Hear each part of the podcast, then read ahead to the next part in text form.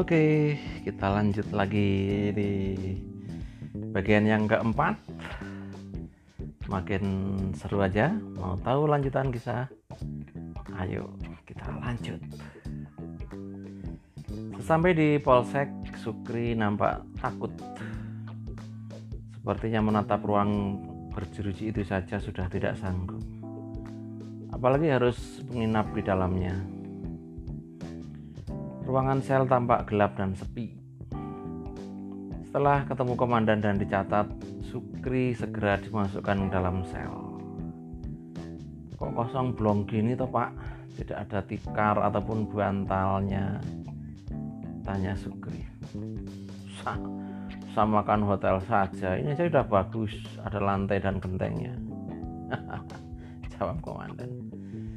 Walah, mimpi apa aku ini? Kok bisa masuk sel polsek ini? Ini semua gara-gara gara-gara bos Tarman biasanya biasanya bukan aku yang jadi kurir. Aduh aduh. Apa aku bakal mengalami di penjara seperti bapakku dulu ya?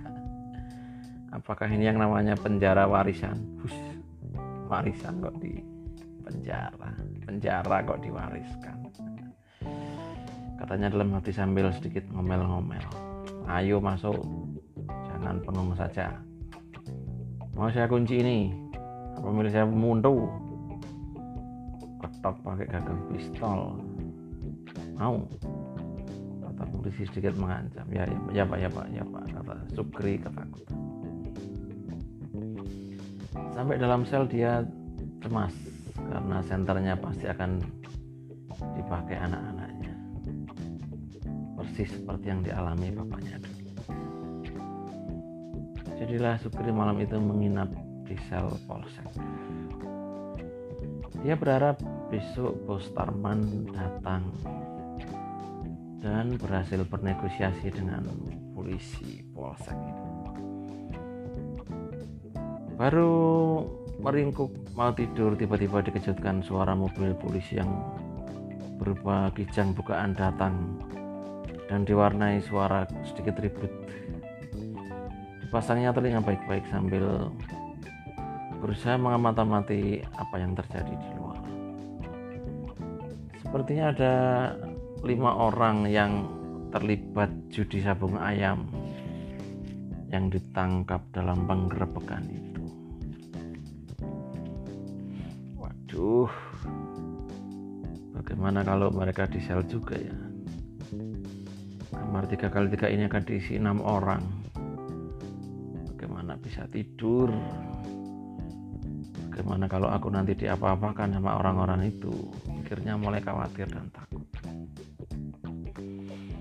Mereka sedang antri untuk didata satu persatu. Tampaknya ada usaha dari mereka untuk melobi agar tidak diteruskan dan minta damai saja. Ini ayam punya siapa polisi. Semua diam hanya saling pandang. Dengan suara lebih keras lagi polisi itu bertanya ayamnya siapa ini? Semuanya diam saja. Karena tidak ada yang mengakui dan penyidik perutnya juga sudah lapar. Maka kelima orang tersebut dimasukkan ke sel yang sama dengan Sukri pak pak pak. Selnya terlalu sempit lah kata Sukri sambil menunduk tikut kamu tukang ular lainnya tukang ayam.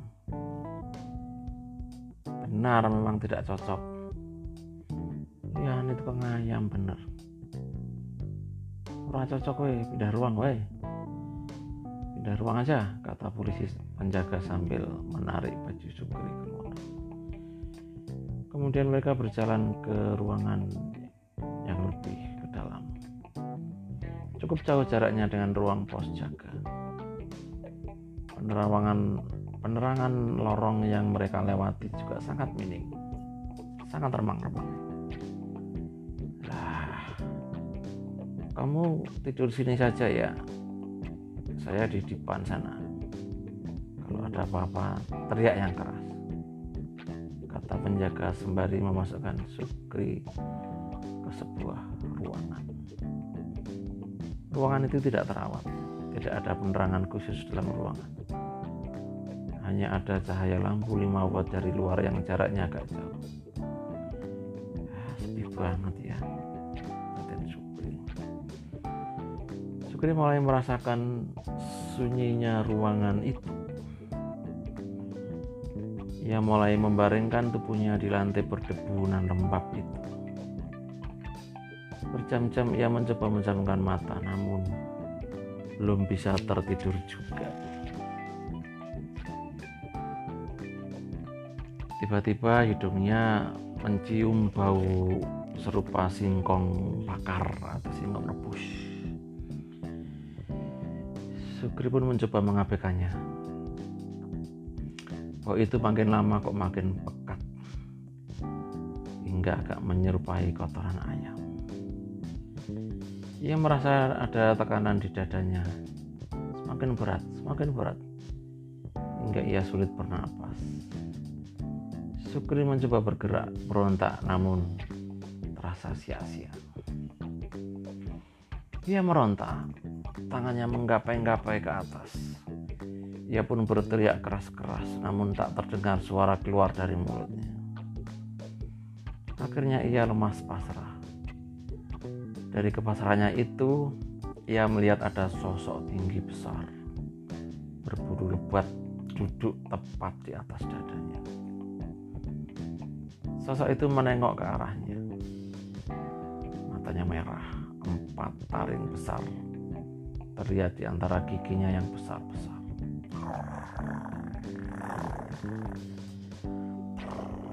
Suara hidungnya terdengar sangat menakutkan.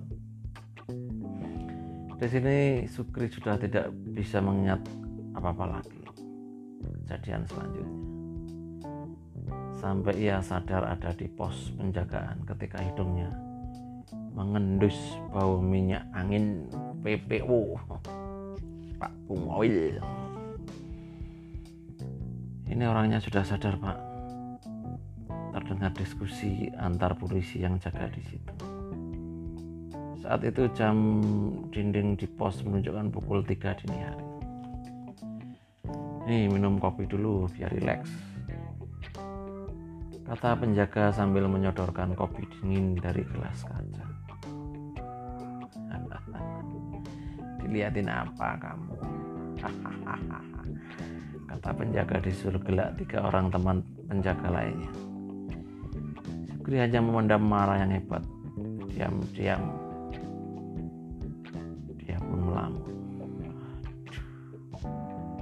mending duel saja apa ya dengan polisi-polisi ini namun ia segera menyadari kondisi saat ini kondisi yang merana tanpa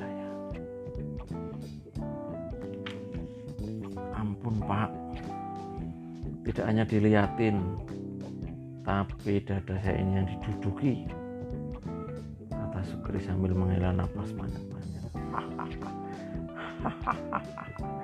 Polisi-polisi penjaga itu tertawa sambil memegangi perut dan pendungannya. Terus sekarang maumu bagaimana? Mau tidur di mana? Milih desak-desakan atau ditemani genderuwo tadi? Tanya polisi sambil meledek-ledek.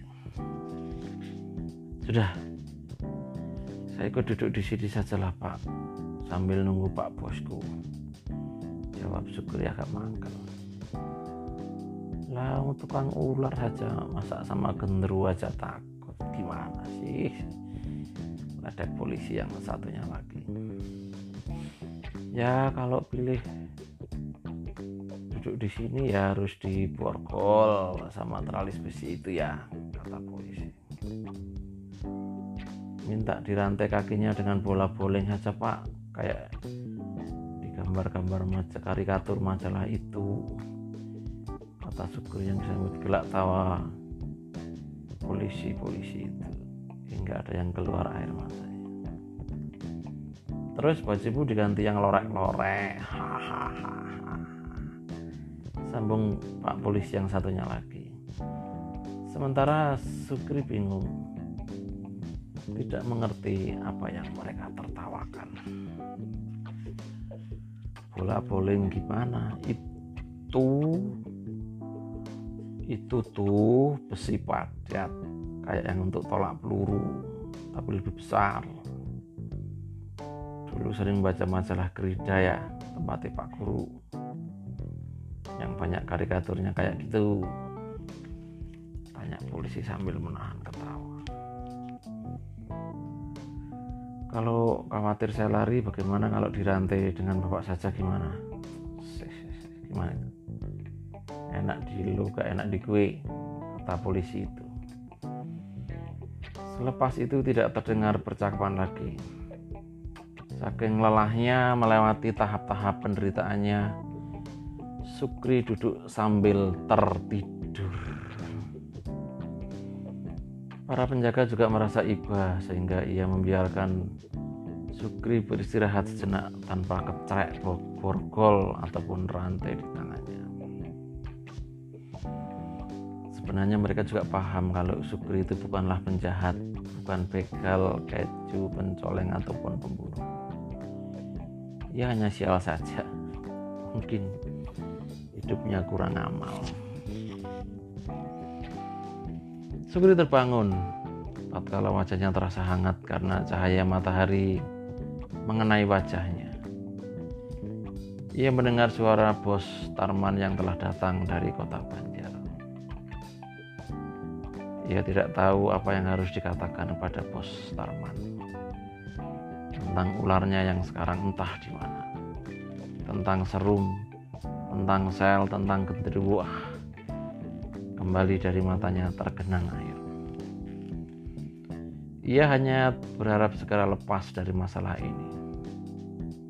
Ia hanya ingin mencari rumput, menyangi tanaman kacang, menjaring ikan di sawah ataupun memancing ikan kecil menggunakan umpan capung. Oh, betapa damainya suasana itu batinnya.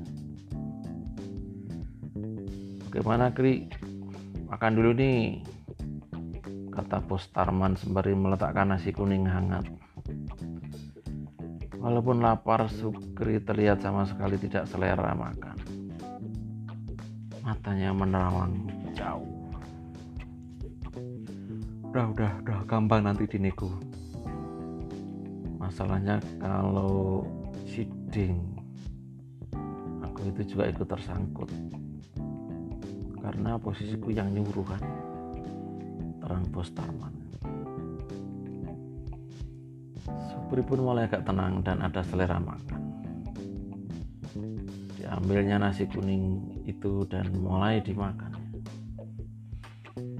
Perlahan tapi pasti nasi kuning itu pun habis tandas.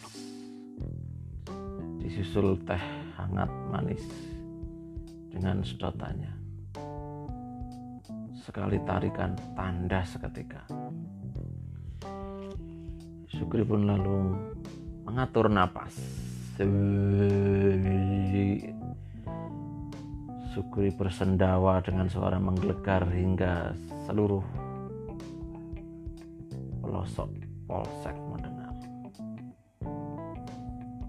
Sang komandan sambil keluar ruang bergeleng-geleng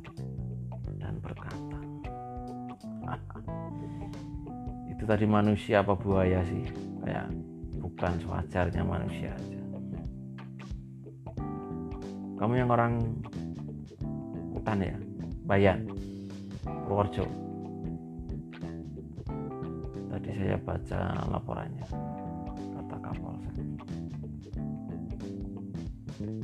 Sebelah mana rumahnya dengan Pak Toal Bapak tahu Pak Toal tanya Tarman. Kenal semprul apa tidak? Terus selamat. Sukar S sambung Kapolsek Lumbir itu. Sukri dan Tarman pun bingung. Tapi dalam hatinya mereka berharap agar prosesnya lancar oke. Break dulu ya. Bagian keempat kita cukupkan di sini dulu bagian keempat kita nanti akan lanjut lagi bab atau bagian yang kelima. Mau tahu akhir cerita kisah ini? Terus stay tune. Choose